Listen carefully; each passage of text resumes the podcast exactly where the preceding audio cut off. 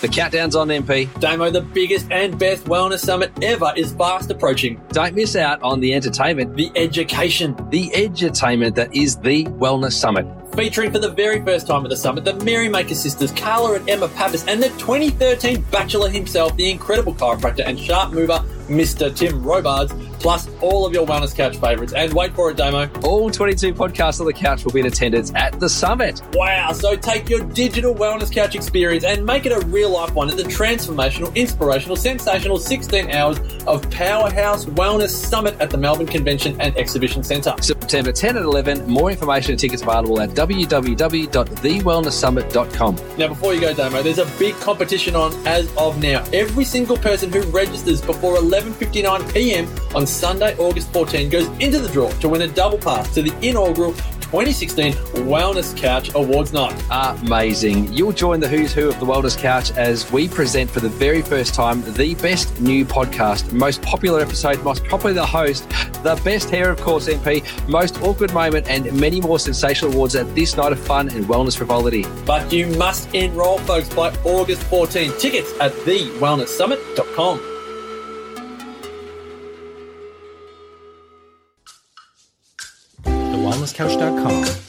streaming wellness into your lives. Welcome to Nourishing the Mother, featuring your hosts Bridget Wood and Julie Tenner.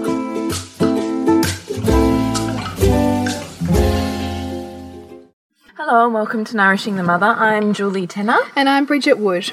And today we're talking on the theme of boundaries, specifically knowing what your own boundaries are.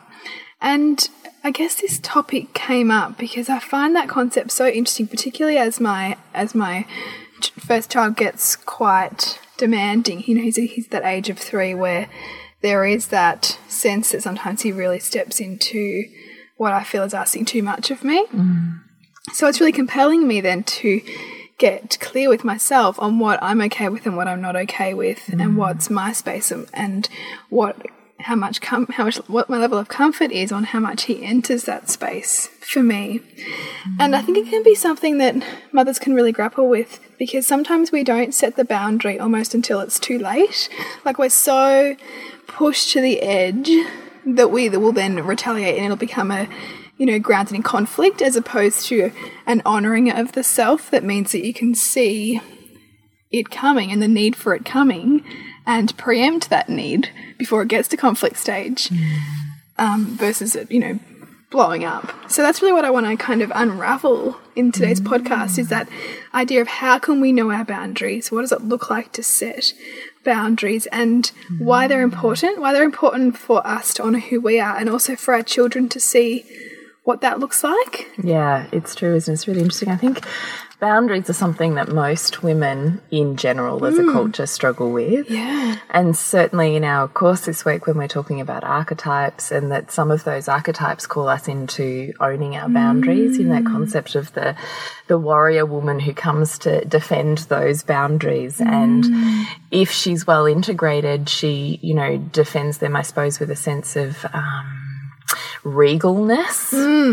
Uh, or a sense of majesty, maybe is the better word, like a queen. Yeah, and that she's almost unapologetic in in governing those boundaries. Yes, exactly. Governing is a beautiful word. Mm.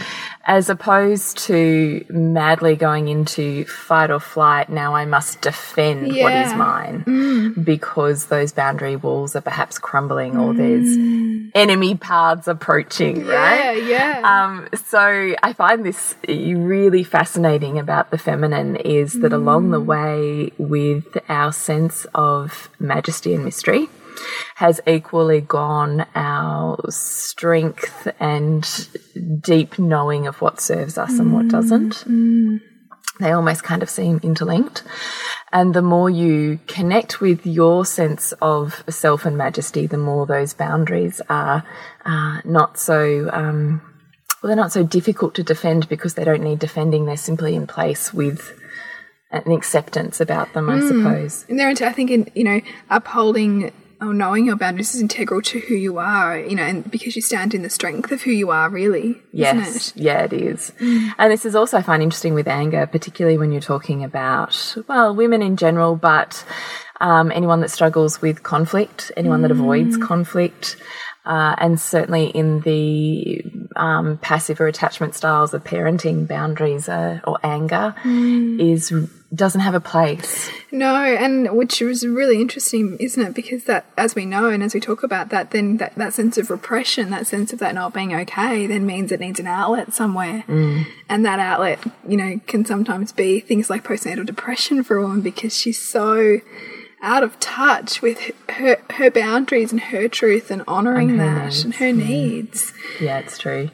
And that anger then flicks off in these really nasty ways because it's kind of had that, it's like the jack in the box. You know, it's had that lid kind of pressed on it and it's getting wound tighter and tighter and tighter and mm. tighter until it's the straw that broke the camel's back and it flies out in this, you know, can be cataclysmic way. But then there's this whole story around guilt and shame and Yeah. then more repression And that follows a that. vicious cycle. Mm. Yeah, that's right. So it's really interesting, I think, when we start to integrate what anger brings us and what her role is in why she's even there to begin with. So the fact that maybe you're feeling like a resourceless woman who's firing off in different places doesn't mean necessarily that it's as simple as you know you're not having enough time out. It's mm. more about what part of you are you disowning that she's needing to be mm. so bold in your world for you to pay attention to what she mm. offers you and anger is a perfect example of that anger you know i mean anger provides so much to us on a beneficial level Yeah, and yet we so rarely acknowledge that, I think. Mm. You know, let's maybe do a quick benefits on anger so bridget when you think about anger what are her benefits I think there's a couple of different. I think we can look at a couple of different ways. I mean, I immediately go to the physiological benefits of anger. I mean, sometimes anger can give you that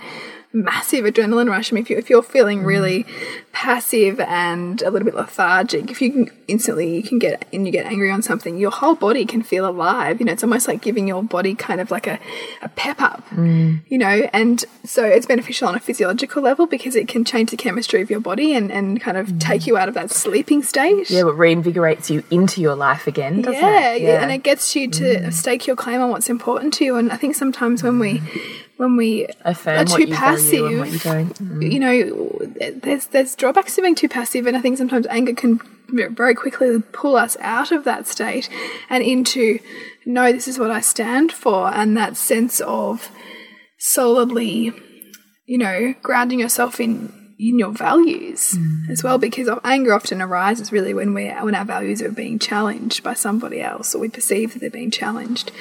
Um, so certainly the physiological benefits the um, benefits to connecting to self the benefits to enriching relationships. So sometimes if you're getting angry to defend a child or a partner or something it can then breed connection with those people who you are seeking to or create community if you're defending a right. Yeah, yeah. Um, it can help you to build a tribe. It can help you to feel part of something, as you say, like a community.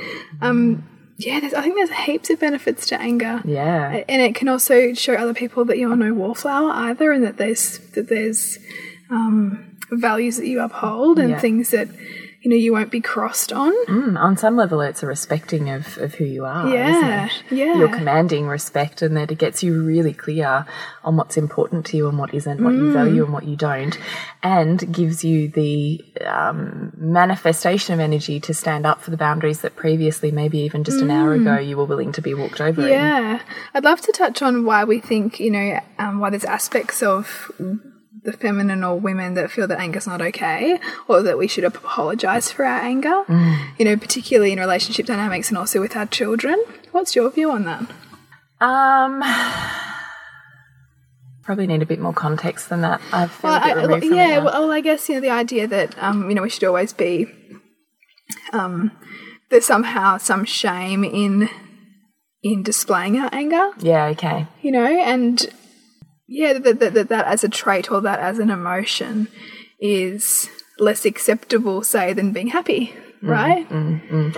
I think the more you chase the light, the more the darkness chases you. Yeah, I would agree, yeah. So I think it's kind of you're only seeing half the coin, right? I mean, we can all chase happy, happy, happy, light, light, light, but you are ultimately going to be breeding a nightmare if you're only chasing a mm, fantasy. Totally. And by only thinking that the light aspects of you are socially And acceptable a- or lovable, or, you know, to be um, cultivated. Mm. Mm. I think you're missing half of a woman or half of any human, really. But let's just talk about it in the perspective of women and mothers, in that uh, you know, anger can be just the most motivating, deep, soulful call to stand up Yes. in your power, which we are, have been so acculturated out of in many mm. ways. You know, there's I mean, there's a whole feminist movement with it, but that's that itself breeds from anger mm. about giving you the motivation to create the change that otherwise you would be passive in writing. Right? Yeah, yeah. So I think though anger is still misplaced if we're creating something right and wrong,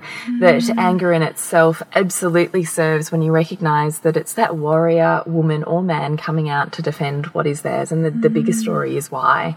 So why, if it's dysfunctional anger that's kind of firing out and being destructive in your life or in your relationships or in your world, that there needs to be a sense of equilibrium there. So what are the boundaries that are not being listened to in the day to day life that create the it's it's not the cookie that broke that you're crying yeah. over, right? Yeah. It's all of the stuff that you've been sucking down that led up to that moment that was it. You know, it was the straw that broke the camel's back. It was the last thing, the firecracker that let Mm. It's the part of a volcano erupt pattern. You know, what's that? What's that pattern? that's- what is it actually there for Mm. to wake you up to to create enough pain to make you go oh what's going on here for me and what is the smaller steps i need to make in my world Mm. because when we're able to actually do that anger doesn't need to be dysfunctional she can literally bring her in and kind of make her part of your whole she becomes part of who your power is and who your motivation Mm. is and you know who you listen to as your you know internal counsel as a guide. Yeah. you can. She can be harnessed for.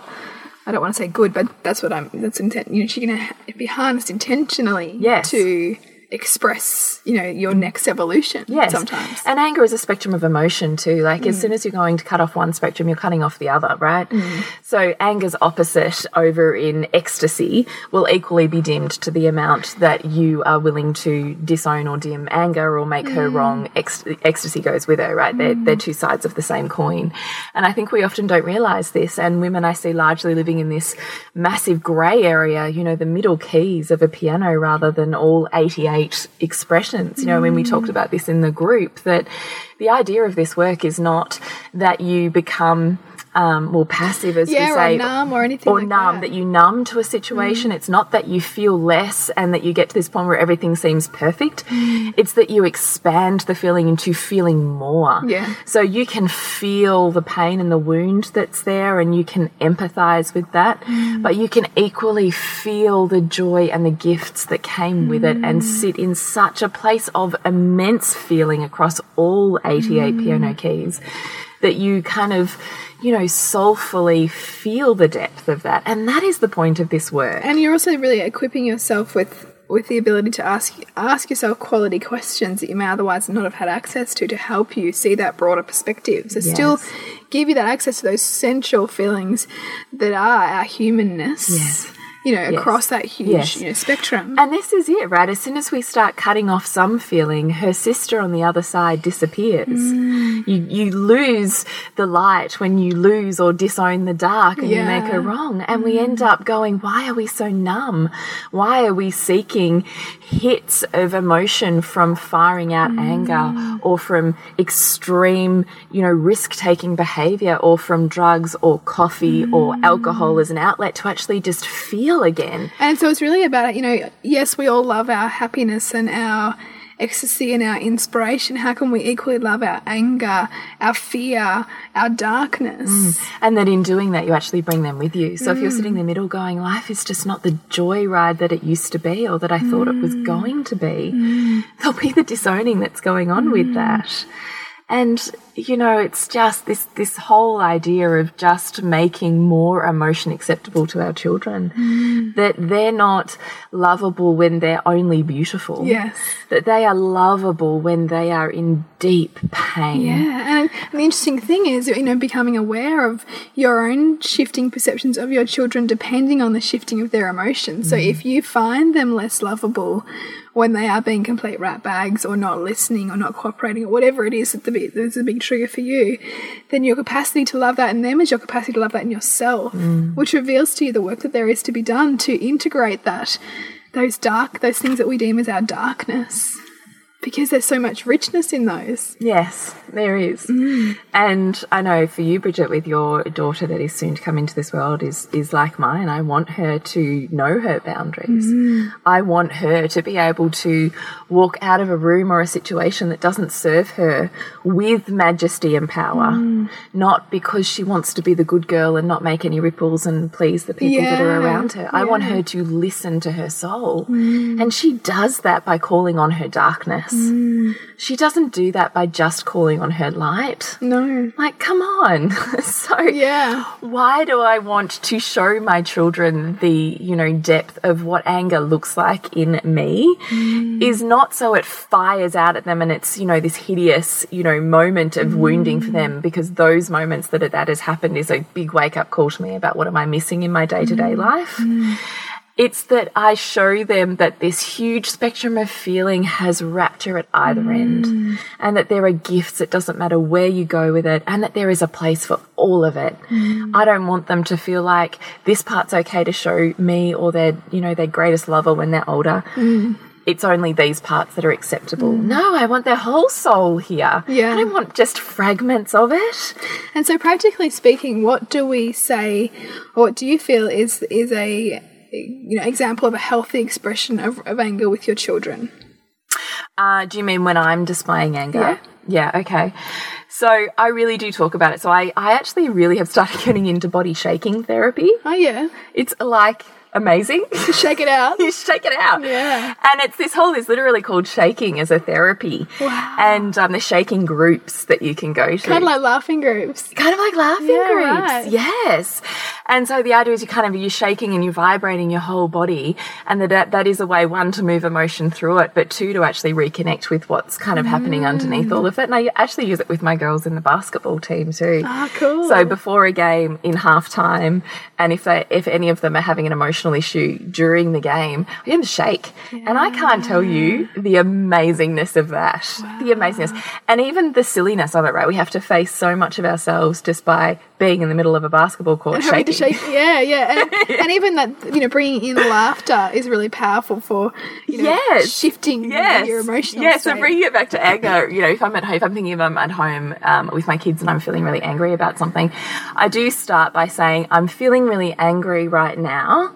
This is what is happening, and either I have the patience for that to move into that with them, or I just say to them, I need some time to sort myself out, and I go and do that. So Yeah. I have my way back to balance, just like my son has his way back to balance, so on and so forth.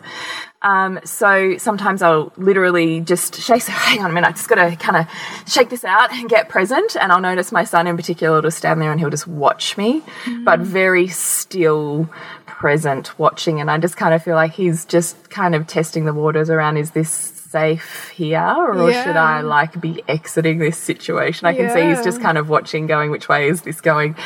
And either I'm going to come out of that and go, okay, and I literally like you can't see me obviously because you're on a podcast, but I'm sitting here like shaking my body. I literally sit there, and sometimes if something's really hard for me to have a conversation about, I'm literally moving as I'm sh- as I'm talking. You know, oh, yeah, okay, I hear that, but uh, you know, It's like I wish you could see this because this is really fun. I know I feel a bit ridiculous doing it here, but it is that feeling of I'm big on on moving emotion through our bodies. It doesn't need to feel trapped. So I think I said before, my son needs to move, run, run with a basketball, whatever.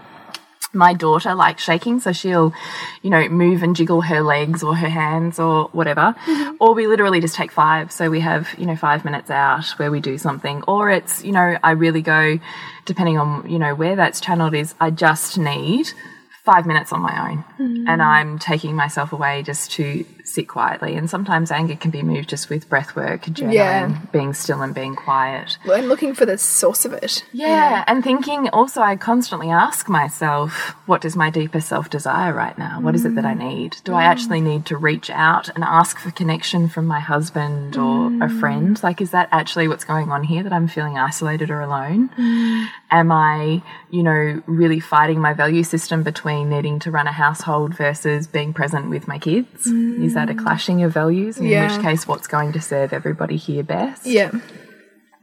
And then it's how do I cathartically move anger myself? So, you know, we do a lot of, you know, laughter and physical movement. Um, and I do yell. I am no perfect mama.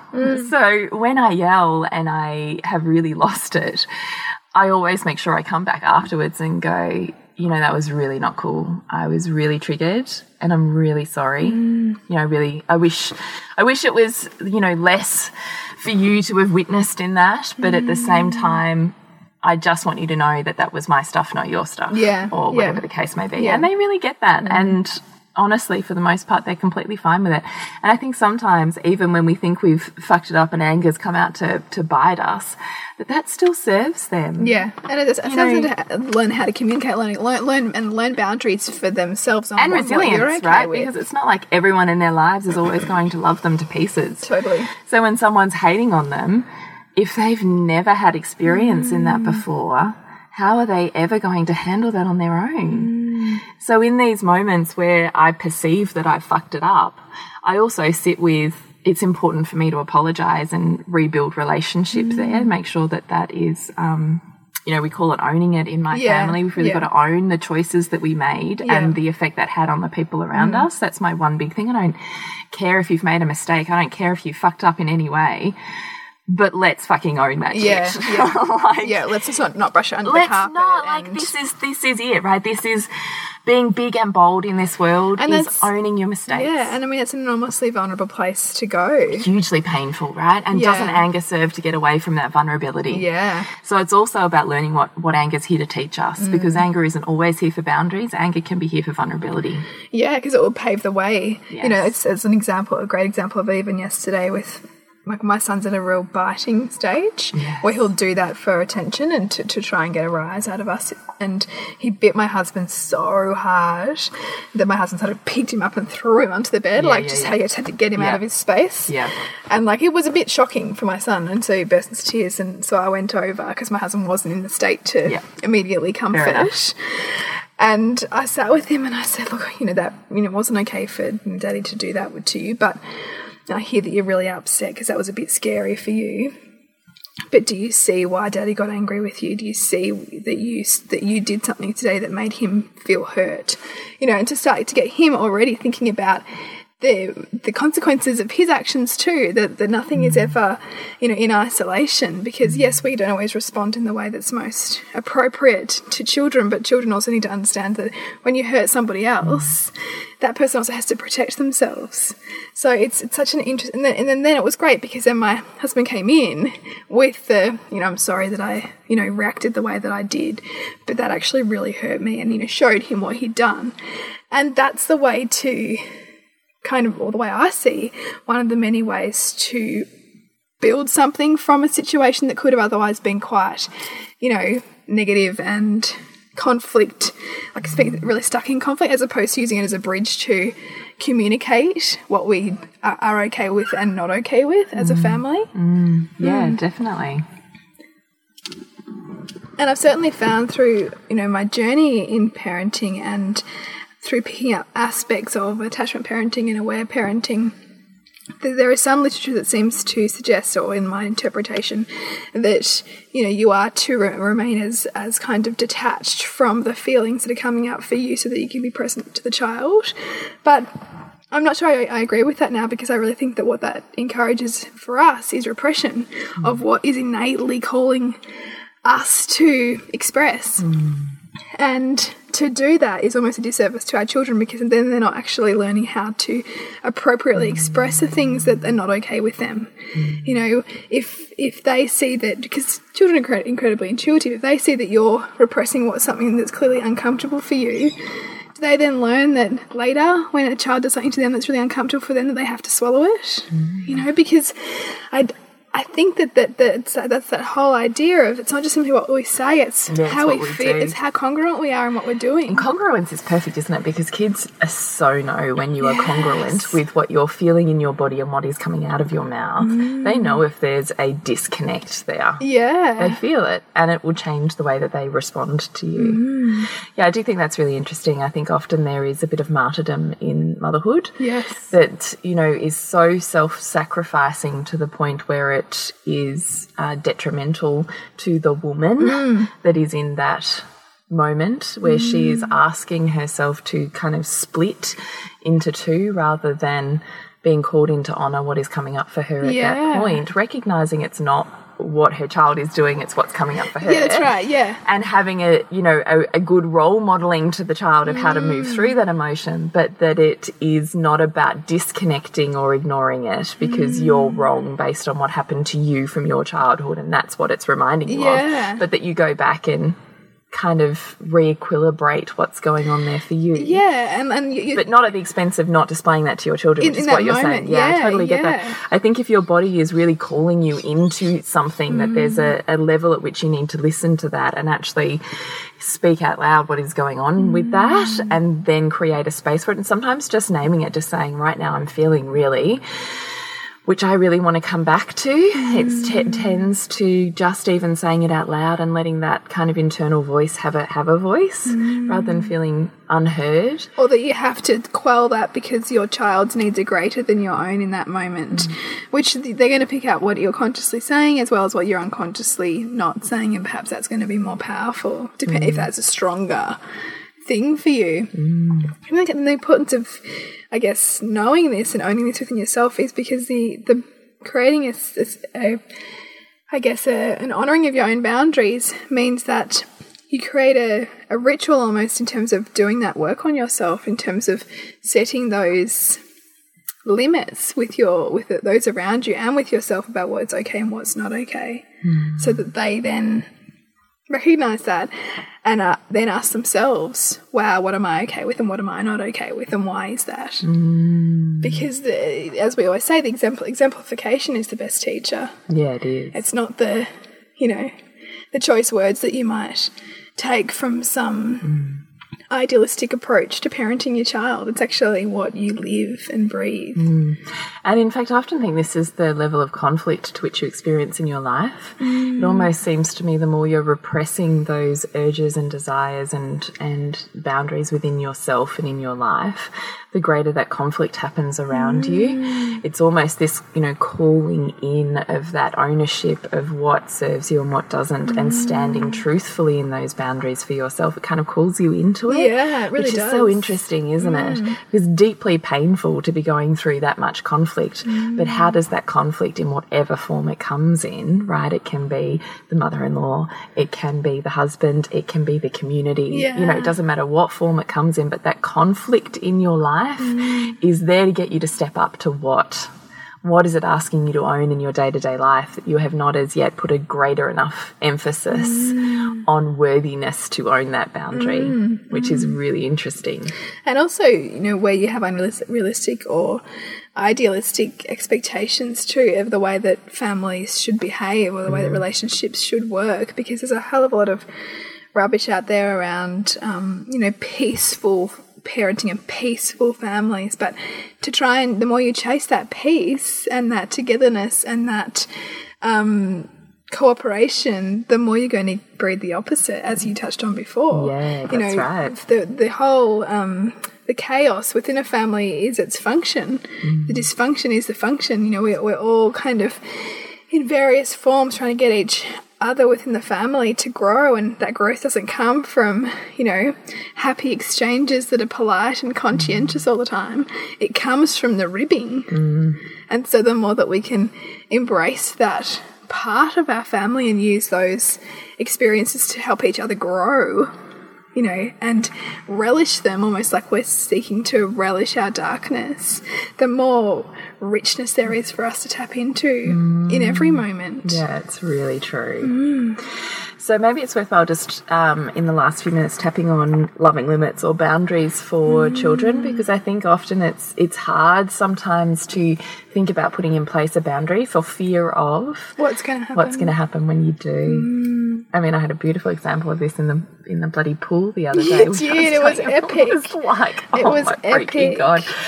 I mean, as a, as a most part, in terms of aware parenting, you and I have talked about so many times this concept of putting in boundaries totally serves because you're almost looking to follow the emotion that comes afterwards. And I actually love that sweet spot. Like, you know, when, when, you, when you have space for that, yes. um, you have when you know you've got half an hour, an hour up your sleeve to hear what's ever, whatever's going to come up when you set that limit, that Yes. boundary.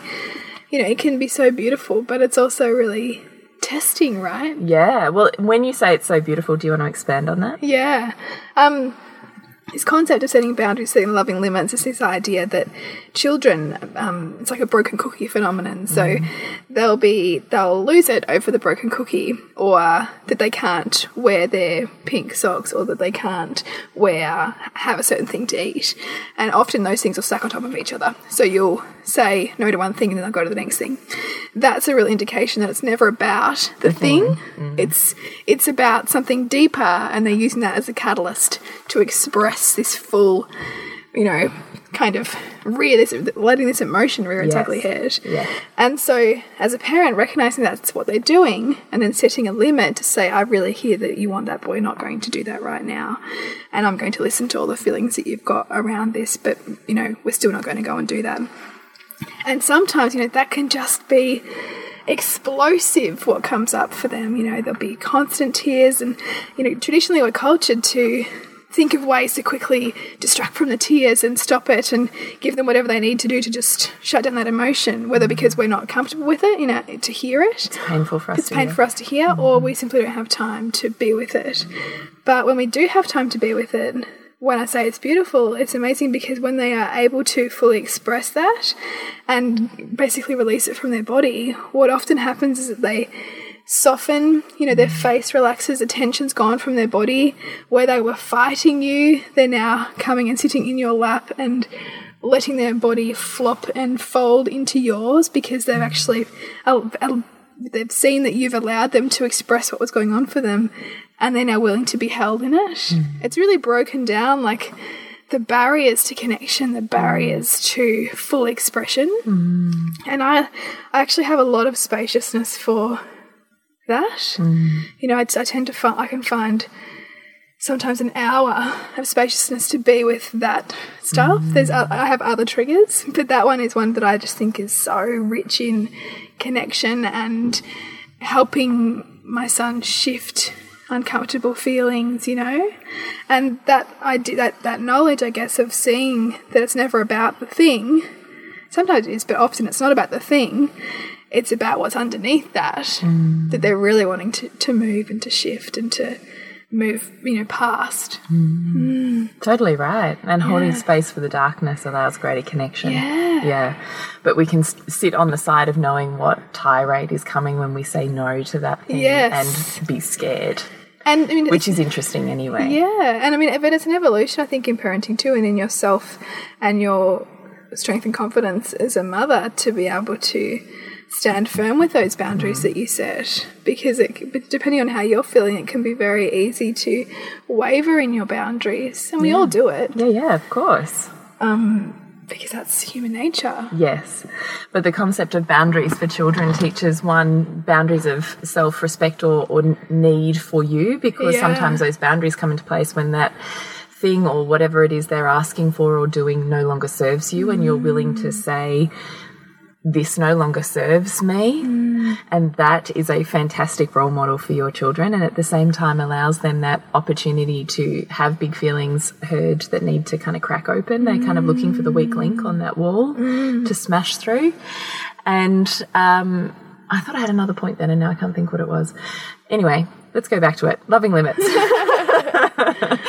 it's you know it's it's really brutal that it calls you into it but the the mm. beauty of boundaries is not to see them as punishments or of ways of of dampening or capping your child's greatness or ability i think in a lot of mm. unschooling communities that's the way it can be perceived mm. that it's a domestication of children rather Yeah. than a free wielding spirit Yeah.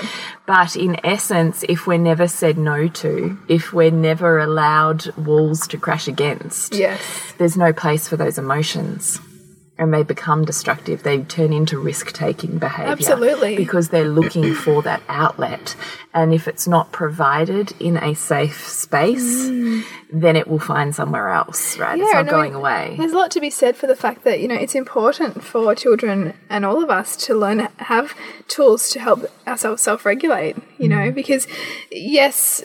It's great if we can hold a space for their emotions and in those moments do that for them. But there's always going to be social situations where where we can't. Like we can't as adults and they can't as children. And so by allowing them to have a set of tools that they can access for when they really can release these, mm. equally it's also important for them to recognize what it feels like to be disappointed, what it feels like to not be able to have things that you immediately want, what it feels like to have to wait, all of mm. those kinds of things. Because if, if, if those things are never taught early on, then it does manifest in mm, later destructive behavior Totally. or you know lack of commitment to a job or you know mm. not showing up for things that you've signed up for that kind of stuff Yeah, definitely, it really does. So I often think boundaries for children, whilst they can be difficult to sit on the side of, you know, I think are completely worthwhile for what they can offer in that mm, moment mm. for the developing adult and also for the ability to actually have something to release emotion through because they're mm. not able to sit there and go, I'm feeling really, you know, until they're older like this and I really just need this so that you can help me do this. Like they, they don't have the language or the knowledge.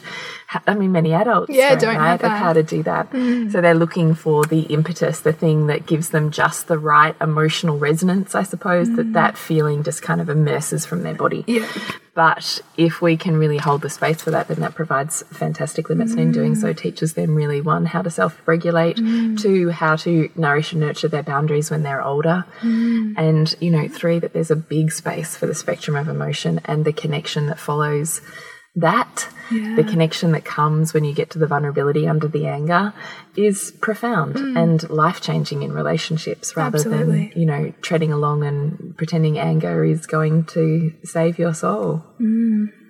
which is destructive in relationships. absolutely So, is there So- anything you want to add to that? no i think that's a you know great summary of what we set out to talk about which is really boundaries and the importance of knowing or feeling into what yours are mm-hmm. um, and upholding those not only for yourself but for your children to see too so that they mm. can own their own And it's the small stuff, it's the day to day, you mm. know, and it's about bringing a level of awareness to your own reactions and behaviors. Mm. And sometimes you're going to nail it, and sometimes you're going to go a little left, and sometimes you're going to go a little right. Yeah. And it's like a surveyor, you know, noticing the landscape. It's just kind of, wow, why did that happen to me? Yeah, and wow, like I really like I really kind of like let, What loose happened then. there? Like And what was all that about? What was that about? What Yeah. were the benefits to me? That what was I trying to get out of that, and how can I bring Mm. that in more consciously? And it's the small stuff. It's the day to day. It's the listening to the full spectrum of emotions. It's the reaching the connection or the vulnerability that's underneath what anger and and you know Mm. ferocity is hiding. yeah. And it's, you know, role modeling that for our children so that they can develop their own incredibly healthy sense of self when they're moving through, you know, immense teenagehood. Yeah. Absolutely. So to connect with us is on nourishingthemother.com.au and on Facebook. If any of these podcasts are really resonating for you, please share them with your tribe. Please, if you get five seconds, rate the podcast on iTunes because that really helps iTunes keep us up there for other mums to find. Yeah, absolutely. And yeah, if you want to catch up with Jules, It's at thepleasurenutritionist.com. And for me, it's suburbansandcastles.com. And until next week, when we continue to peel back the layers on your mothering journey. This has been a production of TheWellnessCouch.com. Check us out on Facebook and join in the conversation on Facebook.com forward slash The Wellness Couch. Subscribe to each show on iTunes and check us out on Twitter. The Wellness Couch, streaming wellness into your lives. Whilst the Wellness Couch presenter endeavor to provide accurate and helpful information to their listeners, these podcasts cannot take into account individual circumstances and are not intended to be a substitute for health and medical advice from a qualified health professional. You should always seek the advice of a qualified health professional before acting on any of the information provided by any of the Wellness Couch podcasts.